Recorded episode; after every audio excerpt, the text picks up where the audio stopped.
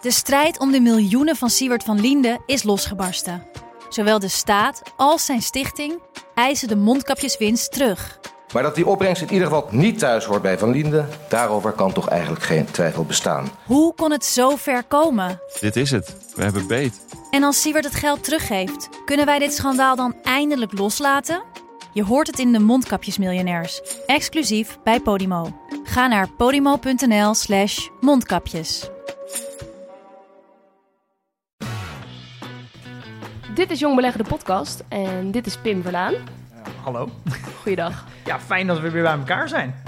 Eh, ik heb heel erg genoten van eh, de eerste aflevering. Van het eh, maken ervan of het terugluisteren? Ehm, nou, eigenlijk meer van het maken dan het terugluisteren. Ik heb wel een paar keer mijn kromme tenen gezeten toen ik naar mezelf aan het terugluisteren was. Het went wel steeds meer. Ik heb ik nu drie keer geluisterd. Oké, dus je kent hem inmiddels ook uit je hoofd? Eh, nou, ik heb ook wat andere edits gehoord, dus ik weet begot niet meer wat er nou precies allemaal verteld is. Nee. Eh, maar het went wel naar jezelf te luisteren. Maar op de eerste aflevering heb ik hem... eh, of de eerste keer dat ik hem hoorde, heb ik hem al een paar keer stop moeten zetten om even weg te lopen. Ja, het is net als met een lockdown, je went eraan. Maar het blijft lastig. Blijft Het lastig. blijft lastig, ja.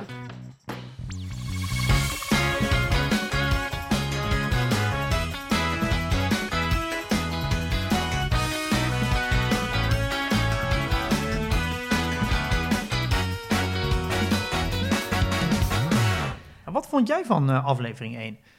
Wat vond ik ervan? Ik, ik heb eigenlijk, als ik daar naar terugluister... Ik, ik heb een le- best leuk gesprek met je gehad over beleggen. Dat is natuurlijk niet iets wat je in eerste instantie verwacht... als je over beleggen gaat praten. Dat het leuk wordt. Beleg is hartstikke leuk. Beleggen is hartstikke leuk. Ja, nou, ik, ik ben er wel meer over na gaan denken van... ik moet eigenlijk toch ook maar beginnen met beleggen. Ehm, ik, ik zit nu gewoon te denken, zal ik maar gewoon beginnen met mijn eerste aandeel kopen, Pim? Ja, dat snap ik. Eh, ik snap dat je natuurlijk super enthousiast bent geworden van aflevering 1.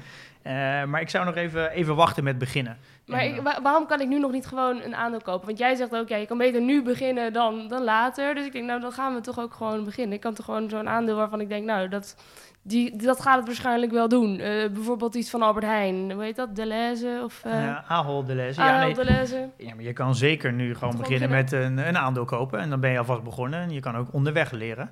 Eh, en dat heb ik eigenlijk ook gedaan. Ik ben begonnen met een aandeel en dan onderweg gaan leren. Ja. Maar het, groot, ja, het verschil gaat niet extreem zijn als je nog v- eh, vier tot acht weken wacht. Eh, en dan nu een aandeel kopen kan altijd. Alleen dan is het natuurlijk wel, waar ga je een los aandeel kopen of ga je meer in een mandje van aandelen zitten? Ja, oké. Nee, dit Eh, wordt al ingewikkeld. Ja, en ik, ik zou toch adviseren om, eh, om eerst even te wachten. Eh, Ja. iets meer informatie in te winnen en te kijken welke vorm van beleggen het beste bij jou past. Nou, lucky me. Eh, Ik zit met eh, de professor aan tafel. Hoewel, nou, het is natuurlijk 100% expertisevrij. Laten we dat nog een keer ja, ik benadrukken. deel natuurlijk gewoon mijn ervaring. Ik, ik ja, geef dit ook een soort van als advies, omdat ik dit zelf ook op deze manier gedaan heb. Ik heb denk ik vier maanden heel intensief alles onderzocht en uiteindelijk een, een bepaalde strategie gekozen. Ja. Eh, en ik Ja. wil eigenlijk de luisteraar meenemen door alle vormen van beleggen eh, en ook alle beleggingsstrategieën. Dan deel ik ook heel eh, in een per aflevering Ja. mijn strategie. Ja. En daarna neem ik mee hoe kies je een aandeel en Ja. eh, Ja. eh, hoe, waar koop je dan aandeel. En dan denk ik dat je na acht à tien afleveringen genoeg weet om, om zelf te kunnen starten. Oké, nou, dat gaan we in de komende aflevering allemaal doen. Ehm, je liet net al vallen dat je dus vier eh, maanden je erin hebt zitten verdiepen.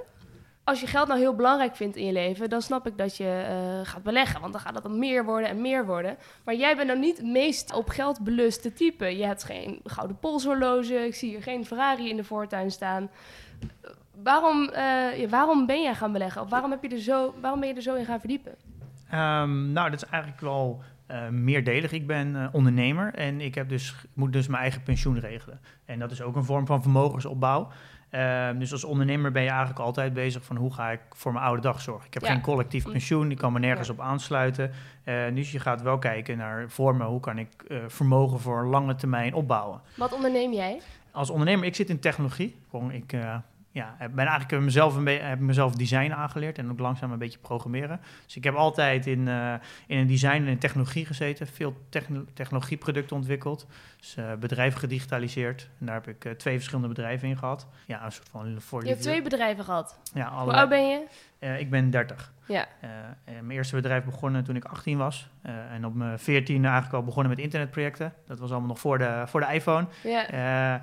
Eh, Ehm, en op mijn 18e officieel bedrijf geregistreerd en eh, langzaam zelf design aangeleerd en programmeren. Ja. En langzaam eh, ja, de eerste, eh, mijn oom en tante geholpen met digitaal toen de tijd. Met een webshop en een Oh. e-mailadres en zo kleine bedrijfjes geholpen. En dat werd steeds groter. En toen naar Amsterdam verhuisd en een nieuw bedrijf begonnen in Amsterdam. Om, om eigenlijk dat op grotere schaal te doen voor grote bedrijven. Ja. En echt digitaliseringstraject. En daar heb ik eh, ehm, applicaties gemaakt voor universiteiten en eh, voor overheden en de digitaliseringstrajecten voor wat commerciële bedrijven. Ehm, dus ja, ik heb, zit helemaal in, eh, in de tech. Ja, je bent Eh. inderdaad, we kunnen wel zeggen dat je een ondernemer bent, een, een businessman. Eh, ja, en daar komt, eh, ja, is een stukje, ja, hoe ga je, je je vermogen opbouwen voor later, is natuurlijk een hele belangrijke vraag voor een ondernemer. Eh, want je moet het allemaal zelf doen. Ja. Eh, en op een gegeven moment, eh, ja, trok eigenlijk mijn aandacht heel erg beleggen. En ik ben daar steeds meer in alle vormen van beleggen. Eh, ehm, en ik heb uiteindelijk een beleggingsstrategie eh, ehm, ja, gekozen die vooral voor, de, voor een lange termijn is. ja, Ehm, dat snap ik. Maar het is dus bij jou puur om een soort van veiligheidsreden, dat je later nog geld hebt. ja, absoluut. Ik moet- wat voor, wat voor rol speelt geld voor jou op dit moment? Als je een goede inkomen hebt, dan eh, heb je, kan je iets vaker nee zeggen tegen dingen die je minder leuk vindt. En, ja, en daardoor creëer je iets meer ruimte om ja te zeggen tegen dingen die je wel leuk vindt. Ehm, kijk, en ik denk dat het vermogensopbouw doet in principe iedereen. Eh, iedereen die draagt, of de werkgever of misschien zelf, een, een gedeelte van je salaris af aan een pensioen. Dus je bouwt in principe allemaal al vermogen op. Eh, je- mensen hebben ook vaak een, een koopwoning, nou dat bouw je ook vermogen op. Alleen Ja. die, dat vermogen is vaak wat onzichtbaarder. Ik heb ook nog geen koopwoning, dus ik bouw nog helemaal niks op. Nee, maar jij hebt volgens mij wel een pensioen die, eh. Ja, dat klopt. Maar dat is trouwens ook nog maar de vraag van wat daarvan overblijft. Hè? Het schijnt dat onze generatie, eh, de millennials, dat het nog best wel lastig wordt eh, als nou ja, de pensioenfondsen even niet zo lekker bezig zijn met investeren en eh, ons geld, nou ja, zorgen dat dat geld meer wordt. En er blijft steeds minder over. Ja, absoluut. Je kan je, je- wij Oeh. kunnen als eh, generatie om, eh, hele grote vraagtekens gaan stellen bij, bij ons pensioen later. Helemaal het collectief en pensioen. Ja. Ehm, ja, dat weet niemand. Uiteindelijk is het, het hele stelsel is misschien een beetje scheef. Dat het aantal werkenden versus het aantal mensen wat met pensioen is, loopt steeds verder terug. Ja. Eh, ik denk als je 20, 30 jaar geleden hadden we veel meer werkenden en veel minder mensen met pensioen. Eh, dus dat was het denk ik 1 op 7 of zo. Ja. Eh, en nou ja, nu gaat het volgens mij 1 op 5. En als dit doorgaat, ja, dan moeten op een gegeven moment steeds minder werkenden mm, het gaan betalen voor degenen die eh, met pensioen Ja. zijn. Nou, en ik denk dat er ook alle reden is om aan te nemen dat het zo doorgaat. Want degenen die nu eh, dan pensioensgerechtig zijn bijna, of die, de, gewoon de oudere generaties, die hebben ook grotendeels gewoon nog steeds de touwtjes in handen op de meeste plekken. En die zitten nog verenigd in vakbonden en die kunnen tenminste voor zichzelf opkomen. Maar de jongeren, die laten het gewoon over zich heen komen. Ja, maar dat is ook een heel groot probleem. Is dat, eh, niet- Opstand! dat- nou ja, dat, ja, je, je zou dat bijna wel doen. Hè. Als jonge generatie is het heel moeilijk, Ja. omdat de keuzes die nu gemaakt worden, die betalen de millennials. Maar dat Ja. merken ze pas eh, over 40 jaar. Ja, Eh, dat, is- dat is heel lastig. het is te ver weg. En dat is heel ver weg. Het is heel moeilijk om, eh, om dat concreet te krijgen. Ja. Eh, dus ja, dat is een, eh, pensioen is een moeilijk verhaal. En ik denk dat het, het moet ooit nog een keer veranderen. Maar ik denk dat geen enkele politieke partij daar wel, eh, op dit moment zijn handen aan durft te branden. Nee. En ik eh, heb ervoor gekozen om mijn pensioen eh, volledig, eh, eh, volledig zelf te gaan organiseren. Ja. Ehm, ik hoop dat ik eh, met, mijn, met mijn strategieën eh, eerder met pensioen kan dan, met, dan dat, ik, dat mijn pensioenleeftijd is. Ah, dus dat ook nog. Dus je wil niet alleen genoeg geld voor, voor bij je pensioensleeftijd, maar ook gewoon eerder dat je eigenlijk kan stoppen met werken. Ja, Maar hou je niet van werken? ik hou heel erg van werken. ik werk ook heel ja, erg veel. dat dacht ik ook. Ehm, Daarom. Nou ja, ik doe het niet. Ik, ik denk, ik doe het vooral voor vrijheid. En Ja. eh, wat voor mij, ja, dat is. Misschien gaan we er heel erg in, maar er is een, eh, dat heet- een beweging dat heet FIRE. Dat is in, vanuit Amerika. De Financial Independent Retire Early.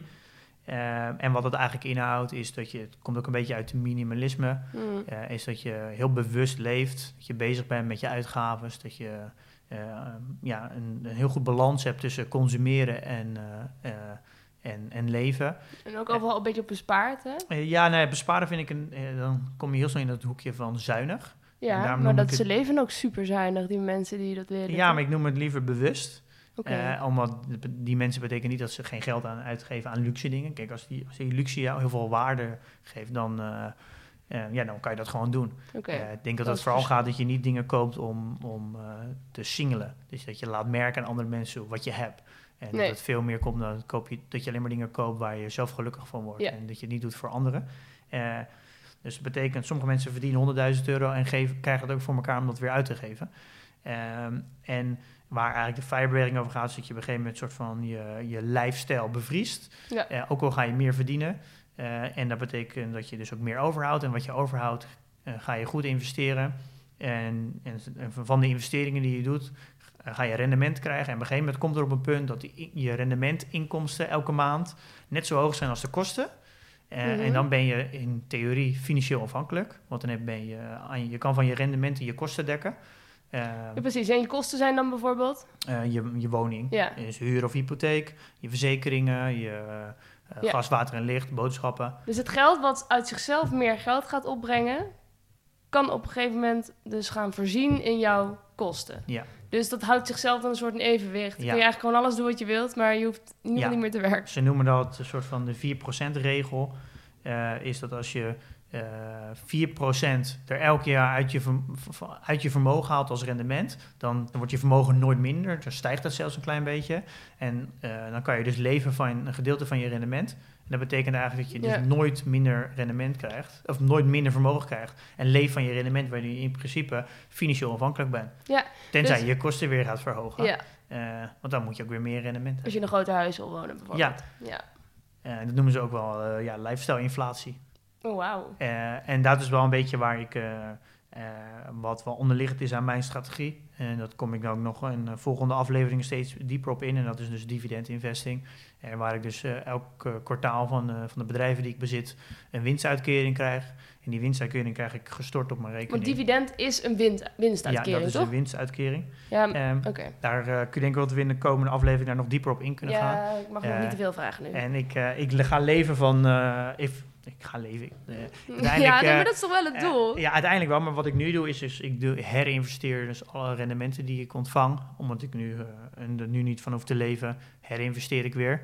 En nou, dan kom je dus bij compound interest, die we vorige aflevering hebben besproken. Want het dividend dat ik ontvang, he- herinvesteer ik weer. En dat dividend gaat ook weer Ja. dividend opleveren. Ja. Nou, Dus dat bedoelen ze eigenlijk als ze zeggen dat je je geld voor je kan laten werken in plaats van dat jij voor je geld werkt. Ja, en dat is natuurlijk de.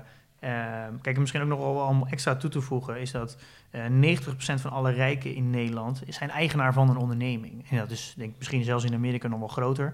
Ja. En eh, wat, wat ik mee bedoel met een eigenaar van een onder- onderneming, is dat ze dus letterlijk ondernemer zijn.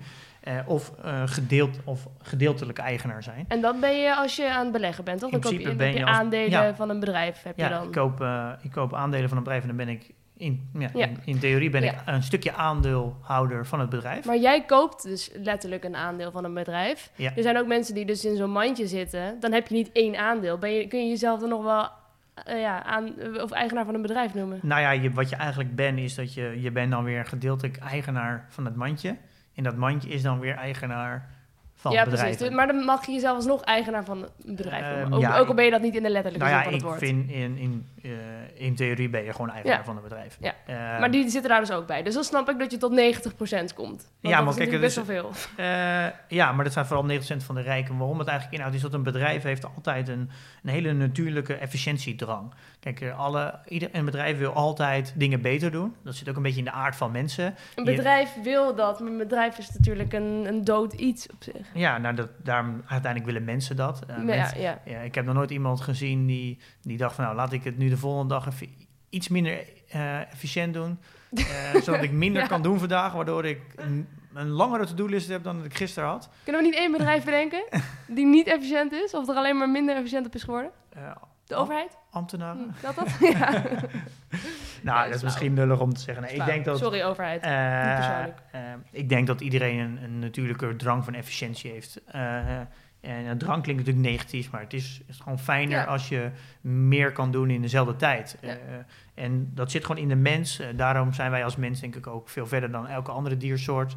Is dat wij zijn altijd bezig met innoveren, met dingen veranderen, dingen beter, beter kunnen. En innovatie komt eigenlijk uit de drang dat je, dat je dingen beter kan doen. Ja, en nieuwsgierigheid ook. Ja, nieuwsgierigheid. Eh, Ja. En Wat je bedoelt. Ehm, ja, doordat dingen, eh, ja, dat we allemaal dingen efficiënter kunnen doen, betekent dat eigenlijk het een, nou, zoals een bedrijf met duizend man, die doen allemaal, gaan allemaal iets efficiënter werken, betekent dat Ja. ze die jaar erop met dezelfde mensen meer werk kunnen doen. Ja.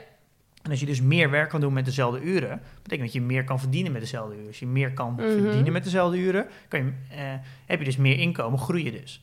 Eh, kijk, en dat is het voordeel van waarom je eigenaar van een bedrijf moet zijn. Ja. Ehm, je maakt zowel de goede jaren mee als de slechte jaren. Maar wat is toch het voordeel van, van een slecht jaar meemaken als eigenaar? Ehm, nou ja, dat, het ligt er. Het, het, voor, nou ja, het voordeel is, er is geen voordeel van een slecht jaar. Nee. Ehm, maar dat is, eh, ja, ondernemen is ook een vorm van risico. Eh, dus je hebt zowel de goede jaren als de slechte jaren. Ja, maar waarom, wat, waarom is dat een eh, reden om eigenaar te worden van een bedrijf? Waarom is dat een, goed iets ervan? En nou ja, gemiddeld gezien is het, zijn de, de rendementen eigenlijk op de, Ja. van alle bedrijven de afgelopen 100 jaar is met 7% gestegen. Ja. Dus eigenlijk 10% als je dividend meetelt. Maar gaan we vanuit van een inflatie van 2, 3%, dan komen we uit op eh, ongeveer 7% gemiddeld, dus de waardestijging. Ja, dat vind ik trouwens, dat snap ik eigenlijk ook nog niet zo goed. Hoe het kan dat alles dus steeds maar meer waard wordt. Nou, het is eigenlijk een heel, eigenlijk een heel simpel uit te leggen. Dat als je, stel je hebt een bedrijf met 20 man. Ehm, en eh, ik denk bijvoorbeeld voor jou, je hebt een bedrijf en je maakt met z'n 20 maak je podcast. Nou, dan kunnen jullie die jaar erop, eh zij hebben, zijn allemaal weer een stukje beter geworden. Ja. Jullie kunnen dus met dezelfde tijd waarschijnlijk betere podcast maken of meer podcast. Ja. En wat betekent als je betere podcast maakt, kan je meer geld vragen. Als je Ja. meer podcast kan maken, betekent dat je meer kan verdienen, hoef je niet meer te vragen. Dus je afzet wordt groter. En dat betekent dat je, en dat je dus meer omzet maakt met dezelfde tijd. Dat betekent dus waardestijging. Je creëert extra waarde die er vorig jaar niet was. Door je commitment. Eh, nou, omdat je ook beter wordt. Ja. En je kan het ook erg vergelijken met je eigen salaris. Is dat, als het goed is, krijg je elk jaar een salarisverhoging. Ja. En dat krijg je vooral gebaseerd omdat je meer ervaring hebt. Ja. En omdat je meer ervaring hebt, kan je meer voor elkaar krijgen in dezelfde tijd. Eh, en zo heb je dus waarde gecreëerd uit het niks Ik heb eigenlijk. belegd in mezelf. Ja, je hebt ja, je belegt in jezelf, mooi gezegd. En heb je dus waarde, je hebt je waarde gecreëerd. En doordat je meer waarde creëert, wordt er dus ook meer verdiend. Eh, nu doe je het op één persoon en doe dat dus op alle personen in een organisatie als een organisatie duizend man heeft. Wordt er dus meer geproduceerd. Wij kunnen dus als wereld, kunnen wij dus meer produceren het, het volgende jaar dan het jaar daarvoor. En helemaal zijn er natuurlijk, in die, dit is eigenlijk soort van oneindig, omdat mensen altijd een drang hebben om dingen efficiënter te kunnen. En daarnaast hebben we ook nog natuurlijk heel veel grote delen in de wereld die nog heel ver achterlopen op, eh, op Nederland. Ja. Of op de op westerse wereld, waar, ook, waar vooral de groei nog veel erger is dan, eh, dan in eh, Europa. Maar is het niet een soort van eh, natuurwet dat what goes up must come down? Ehm, nou, er is natuurlijk wel een limiet aan oneindig groeien. Als Er wij- komt een atoombom, de wereld vergaat door een enorme meteorietinslag. Dan is het toch alles toch wel echt weg, lijkt me. Ja, maar als ik denk de wereld vergaat, dan... De kans is klein. Dan is mijn laatste, is klein. het laatste waar ik me druk om maak zijn mijn beleggingen. Oké, dus het, het enige wat er nog kan gebeuren is dat er zoiets gebeurt en dan is het inderdaad niks meer waard. Nou ja, er is natuurlijk wel, als bijvoorbeeld heel veel mensen, als er, als er minder mensen geboren worden eh, dan, dat er, eh, dan dat er met, eh, dan overlijden en die gaan met allemaal met pensioen, hebben dus minder werkenden, ja, dan zal er uiteindelijk wel een keer een krimp komen. Eh, want als er minder mensen zijn die het wie werken, ja, dan kan je niet die groei vasthouden. Eh, dus dat is een bevolkingskrimp is natuurlijk een van de grootste problemen voor groei. Dus je zegt bevolkingskrimp, daar is iedereen die voor economische groei is, is, is daar bang voor. Ja, nou ja, als er meer mensen zijn die kunnen werken, dan is het natuurlijk altijd beter voor, eh, voor je economie. Eh, en daarnaast zijn er natuurlijk andere factoren hoe je economie kan laten groeien. Dus natuurlijk Ja, ook kennis, dus als je, ehm, ja, ehm, innovatie, dat is ook een Ja. vorm van eh, groei natuurlijk. Maar ja, om er nog even op terug te pakken, is dat er is gewoon een, een bedrijven hebben gewoon een natuurlijke ja, drang om, om dingen efficiënter te doen. En daardoor worden ze meer waard. Ja. En daarom zijn ook, hebben we een gemiddelde stijging van 7%. En daarom is het ook veel beter om te beleggen in, in bedrijven. Kijk, er zijn ook andere vormen van beleggen, bijvoorbeeld in goud of in eh Zilver. eh, zilver. Je kan dus in eh, commodities beleggen. En je kan natuurlijk- Commodities? ja, dat is grondstoffen. Maar je kan ook beleggen in whisky. Je kan natuurlijk in- eigenlijk in wezen in alles beleggen. Kunst is ook een vorm van In beleggen. jezelf. Nee, in jezelf. Kijk, en het voordeel is, als je, vind ik dan persoonlijk, als je belegt in een bedrijf, is een bedrijf kan, die wordt meer waard. Kan, Ja. kan meer waard worden. Ja. En het is een hele duidelijk waarom dat meer waard wordt, omdat het meer kan produceren. Binnen dezelfde tijd, dat principe Ja. wat ik net uitleg. En met goud is dat heel anders. Als je een, een, een- bijvoorbeeld een staaf goud in thuis hebt, die kan niet iets produceren, kan niet meer waarde creëren. Nee. Het blijft een staaf met goud. Het kan wel meer waard worden, maar daar heb je zelf weinig invloed op. Ja, maar waar wordt de waarde van goud bepaald? Is dat hoeveel vraag er is eh, en hoeveel er nog uit de grond gehaald wordt. Dus dat is een, de, de goud aan zich wordt niet meer waard. Dus wat mensen ervoor over hebben, wordt meer waard. Ja. En dat vind ik wel degelijk iets anders. Ja, het punt. is heel moeilijk te bewijzen. Het, het is namelijk niet echt een logica eh, eh, waarom het meer waard wordt. Het is Nee. dat mensen er meer voor willen betalen. Ja. Dus jij vindt het fijn ook dat je daar een soort van controle over hebt. Dus dat is ook wel een reden dat je in bedrijven bent gaan beleggen. Ehm, Heeft dat iets met controle te nou maken? ja, niet, ik kan, ja, ja, kan beter begrijpen waarom het meer waard, maar ook waarom het minder waard wordt. En veel beter kan inschatten eh, van nou, dit bedrijf denk ik ook dat het gaat groeien. Oké, dus dan even praktisch. Eh, hoeveel geld moet je hebben voor het zin heeft om dan te gaan beginnen met beleggen? Wat, wat vind je, is er een ondergrens? Wat dit moet je hebben? Eh, nee, ik vind dat je met 50 euro al zou kunnen beginnen met beleggen. Maar als ik Eh, bijvoorbeeld naar jouw portfolio kijk, wat je inzichtelijk hebt gemaakt online, eh, zie ik daar wel hele andere bedragen, meneer eh, ja, dat is, zo, dat is iets meer dan 50 euro, dat klopt. Ja. En dat is ook, ja, ik wil ook niet afschrikken dat je daardoor ook zulke bedragen moet hebben om te kunnen starten. Eh, kijk, het idee is dat je, dat je een lange termijn gaat beleggen. Dus eh, het maakt niet uit welk bedrag. Ook wat ik vorige keer vertelde, is dat het gaat uiteindelijk om je, re- eh, je rendementpercentage, niet om je absolute rendement. Oh ja. Ehm, en je moet zo ja, een lange horizon hebben. Dus als je een jonge leeftijd, het liefst al als je 18 bent, begin met 50 euro per maand of zelfs met 20 euro per maand, Ja. als je dat kan missen. Ehm, en ga dat structureel verhogen ehm, als, je meer, als je gaat werken en je dus ook meer overhoudt. En hou dat maar lang genoeg vol, ehm, ja, dan wordt het steeds meer waard. Ehm, ik zou willen dat ik eigenlijk was begonnen toen ik 18 was. Toen had je nog niet zoveel geld. Kijk, dit geld wat, wat je er nu op hebt, dat heb je verdiend met jouw succesvolle bedrijven. Ja, bedrijven. Ehm, maar ja, als je op je 18 was begonnen, was je waarschijnlijk met 50 begonnen. En dat, dat was ook al heel goed Ja, geweest. nou, ik, daar ja, baal ik natuurlijk achteraf heel erg van. Ik heb eh, op mijn 18 een, een spaarrekening gehad. Eh, nou, dat heb ik dus, eh, elk jaar een klein beetje aangevuld. Maar ja, dat is ja, eigenlijk niet heel veel meer waard geworden. Nee, nee, dat is nog een reden om te gaan beleggen natuurlijk. ja, spaargeld levert niks op. Toen de tijd was het nog een paar procent. Ja. Maar ja, had ik maar toen de tijd dat geld belegd. Ja, Wat is je nieuws van de week, Pim? Ehm, ja dit is een, eh, het, is een, het zijn interessante weken nu. Er is een maand voorbij na Q1. En dat betekent dat eigenlijk het einde van, de, van april komen de meeste bedrijven met eh kwartaalcijfers. Ja, precies. Dus we hebben het niet over wiskundige formule, maar Q1 staat voor kwartaal, Kwartaal, 1. ja, klopt. Eh, en de meeste bedrijven ehm, doen eigenlijk rap- rapportage naar de aandeelhouders toe per kwartaal. Eh, dus je moet per kwartaal ook, eh, de meeste bedrijven kiezen ook voor een dividend eh, per kwartaal. Dus dan wil je ook per kwartaal je, je cijfers rapporteren naar je aandeelhouders. Oké, want wat zegt dat, die cijfers? Nou, de kwartaalcijfers zijn al sowieso interessante periodes, want dan kan je zien hoe je bedrijven ervoor staan. en wat ze zelf verwachten voor de komende periode. Dat is natuurlijk interessant om te weten als je die bedrijven bezit. Ja, maar nu is het natuurlijk extra interessant, want we zitten natuurlijk in een hele rare tijd. De economie zit natuurlijk in een lockdown. Waar- intelligente lockdown. en intelligente. En in sommige landen eh, gewoon een volledige lockdown. Eh, en dat is een gedeelte in Q1 geweest, dus in, eh, in maart geweest. Maar vooral een groot, het gaat eigenlijk voor een heel grote periode in Q2 zijn. Dus wat natuurlijk heel interessant is om te kijken welke bedrijven gaan nu al merken in de kwartaal, eerste kwartaalcijfers de lockdown, dat mensen niks meer kunnen uitgeven. En wat is de prognose van een aantal bedrijven in het tweede kwartaal? En dat zijn natuurlijk hele interessante cijfers, want dan kunnen we ook een langzaam een inschatting gaan maken van hoeveel impact gaat de lockdown op de economie hebben. Eh, ja, precies. En, en- wat, wat eh, zijn, heb jij al cijfers gezien? Zijn er specifiek jouw dingen opgevallen? Nou, er zijn een aantal bedrijven die komen de komende periode met cijfers. En dat is Facebook, Apple, 3M, Microsoft, Shell, Tesla, McDonald's, UPS. Dat zijn even, noem ik een aantal bedrijven die, eh, die in mijn portefeuille, portefeuille zitten. Mm.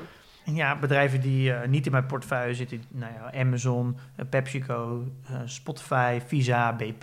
Ja. De- de- nou, ik kan eigenlijk bijna alle bedrijven op, op gaan noemen die, Die met niet Maar ja, ook groot bedrijven. Ik denk dat de luisteraar ook een hoop, een hoop bedrijven herkent. Komen met cijfers.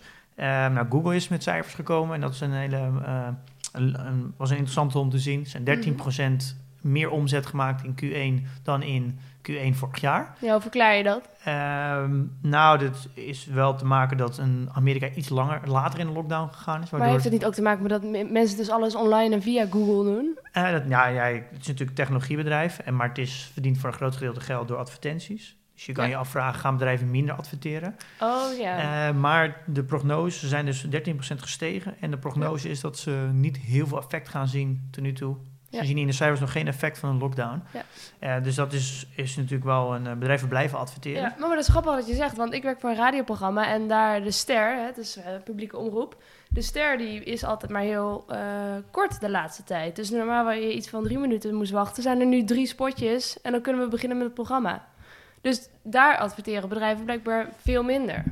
Ja, ik denk ook dat het komt omdat dat is natuurlijk radio en mensen luisteren vooral radio onderweg. En mensen reizen veel minder. Ah, mensen zijn nu onderweg. Ik denk dat dat een heel groot effect heeft. En mensen zitten veel meer op het internet uh, nu. Want mensen zitten de hele dag achter de computer thuis. Ja. Uh, dus je ziet vooral de in, alles wat met computer en internet gerelateerd is, gaat omhoog. Ja, uh, okay. Ik denk dat dat heel erg mee te maken heeft. Ja, en wat ook wel wel interessant is om te zeggen dat 3M, dat is een bedrijf wat ik bezit. Dat is de maker van de post-its.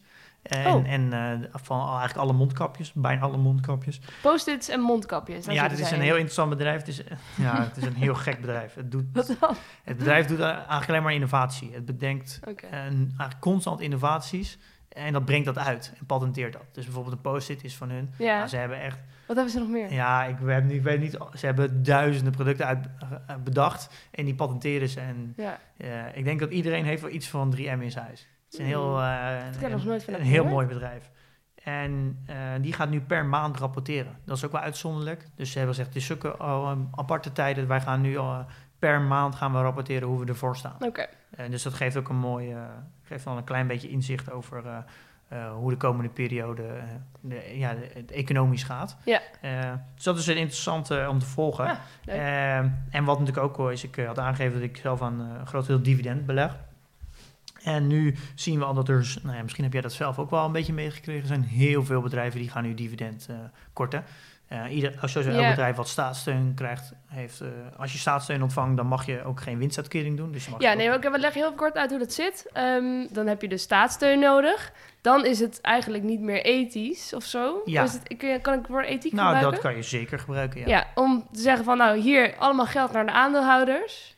Ehm, en ondertussen wel geld van de overheid blijven vragen. Ja, we hebben meer, meer nodig. Ja. Dus het, de overheid stelt dan ook voorwaarden. Dat het moment dat je staatssteun ontvangt, dan mag je ook geen dividend uitkeren. Wat natuurlijk volledig terecht is. Ja. Ehm, en ja, nu is het voor mij natuurlijk heel grote vraag. Ik ben een dividendbelegger. Eh, en ik ben natuurlijk nu heel erg in de gaten houden van al mijn dividendholdings. Ja. Daar heb ik er 42 van. Wat is een holding? Mijn holding is een, eh, is een bedrijf dat ik in mijn portefeuille heb. Gewoon een bedrijf. Ja, dat jij dus in je ik noem een bedrijf, eh, ik heb een portefeuille en daar zitten, dus dat zijn een portefeuille dividendaandelen.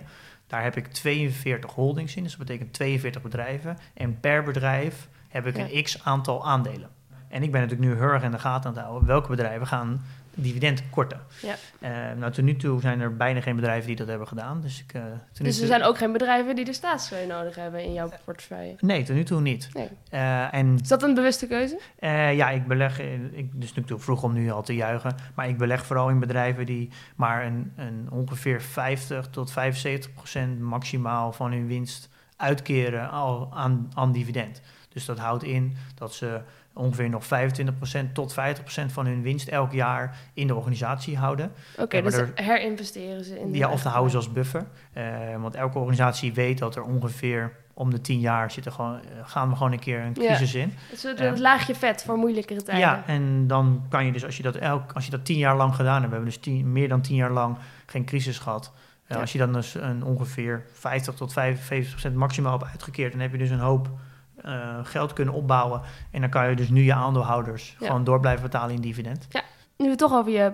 Is het nou portefeuille of portfolio? Eh, ja, ehm, ik kom er ook niet. De ene keer gebruik ik portefeuille, de andere keer portfolio. Ik denk misschien portfolio klinkt wat eh, toegankelijker. Vanaf nu houden we bij portfolio. Laten en als je het verkeerd doet, dan sla ik op je vingers met een ja, hamer. mm, dat mag. Ehm, vertel, hoe gaan, de, hoe gaan de zaken? Ik ben eigenlijk wel benieuwd. Ehm, nou ja, dus ik heb, ik heb deze, sinds de vorige aflevering geen transactie gedaan. Wat bedoel je daarmee? Ehm, nou, Geen dat ik, geen, dat ik geen nieuwe aandelen heb gekocht. Ja. Ehm, ik zit, ben nu al op, op een fase dat ik best wel een uitgebreide portefeuille heb. Ik heb naar mijn idee... wel- Portfolio, sorry, daar ga je. portfolio. ik heb, eh, ben wel aardig tevreden met al mijn holdings. Eh, al wil ik wel een, ondertussen wel iets ander balans opbouwen per sector. Ehm, maar ik heb deze week geen transacties gedaan. Ik heb 42 dividend eh, holdings en ik heb 15 groeiholdings. Eh, mijn totale waarde zit nu op 138.800. Dat is een stijging van eh, vorige Mhm. week. Maar ik heb nog steeds wel, zit ik in de min. Dus ik heb nog in mijn overal performance sta ik nog op min 2,5 procent. Eh, Dat snap ik niet helemaal. Ehm, nou, ik heb meer... Je bent nu weer gestegen, maar in totaal... Ja, mijn totale performance... Je bent eerder al erg gedaald. Ik ben natuurlijk heel erg hard gedaald. Ja, Eh, we zijn ongeveer 35% gezakt. Nou, daar ben ik natuurlijk ook mee gezakt. Ja, Ehm, maar ik, ehm, er zit weer een stijgende lijn ik in. eh, ga elke, elke week nu weer een klein beetje omhoog. Dus ik hoop eh, natuurlijk volgende aflevering Jeetje, langzaam ik, weet niet, het- ik weet niet of ik dit zou kunnen. Gewoon dat aan moeten zien en ervan afblijven. Ja, ja, dat is ook wel... eh daarom is vooral emoties, hè. Ik heb best wel een duikeling gemaakt. Ja, als je je portfolio 30% zakt... Hmm. eh, ja, dan zie je eh, twee weken achter elkaar alleen maar rode cijfers. Nou, dan moet je wel even, even je goed jezelf aan herinneren. dat je, Welk pensioen? dat je geen emotie er moet hebben en dus niet paniek, in paniek Nee. moet raken. Ja. Ehm, nou, dat heb ik niet gedaan. Ik heb gewoon mijn holdings gehouden en je ziet het, gaat gewoon weer omhoog. Ja, Ehm, en ik heb ondertussen bijgekocht. Eh, dus wat, wat bijgekocht. ik heb in de dip, eh, dus wanneer het zakte, iets aan Oh, bijgekocht. toen. waardoor Ja, dus toen iets- heb je wel transacties gedaan. Ja. en waardoor ik iets sneller weer eh, richting het plus ga Ja. natuurlijk als we omhoog gaan. En ik heb op jaarbasis ontvang ik nu met het huidige portfolio. Dat kan natuurlijk wel elke week veranderen als bedrijven een dividend verhogen of verlagen. Ja. Met 5876. Dat ontvang ik eh, per, op jaarbasis aan dividendinkomen.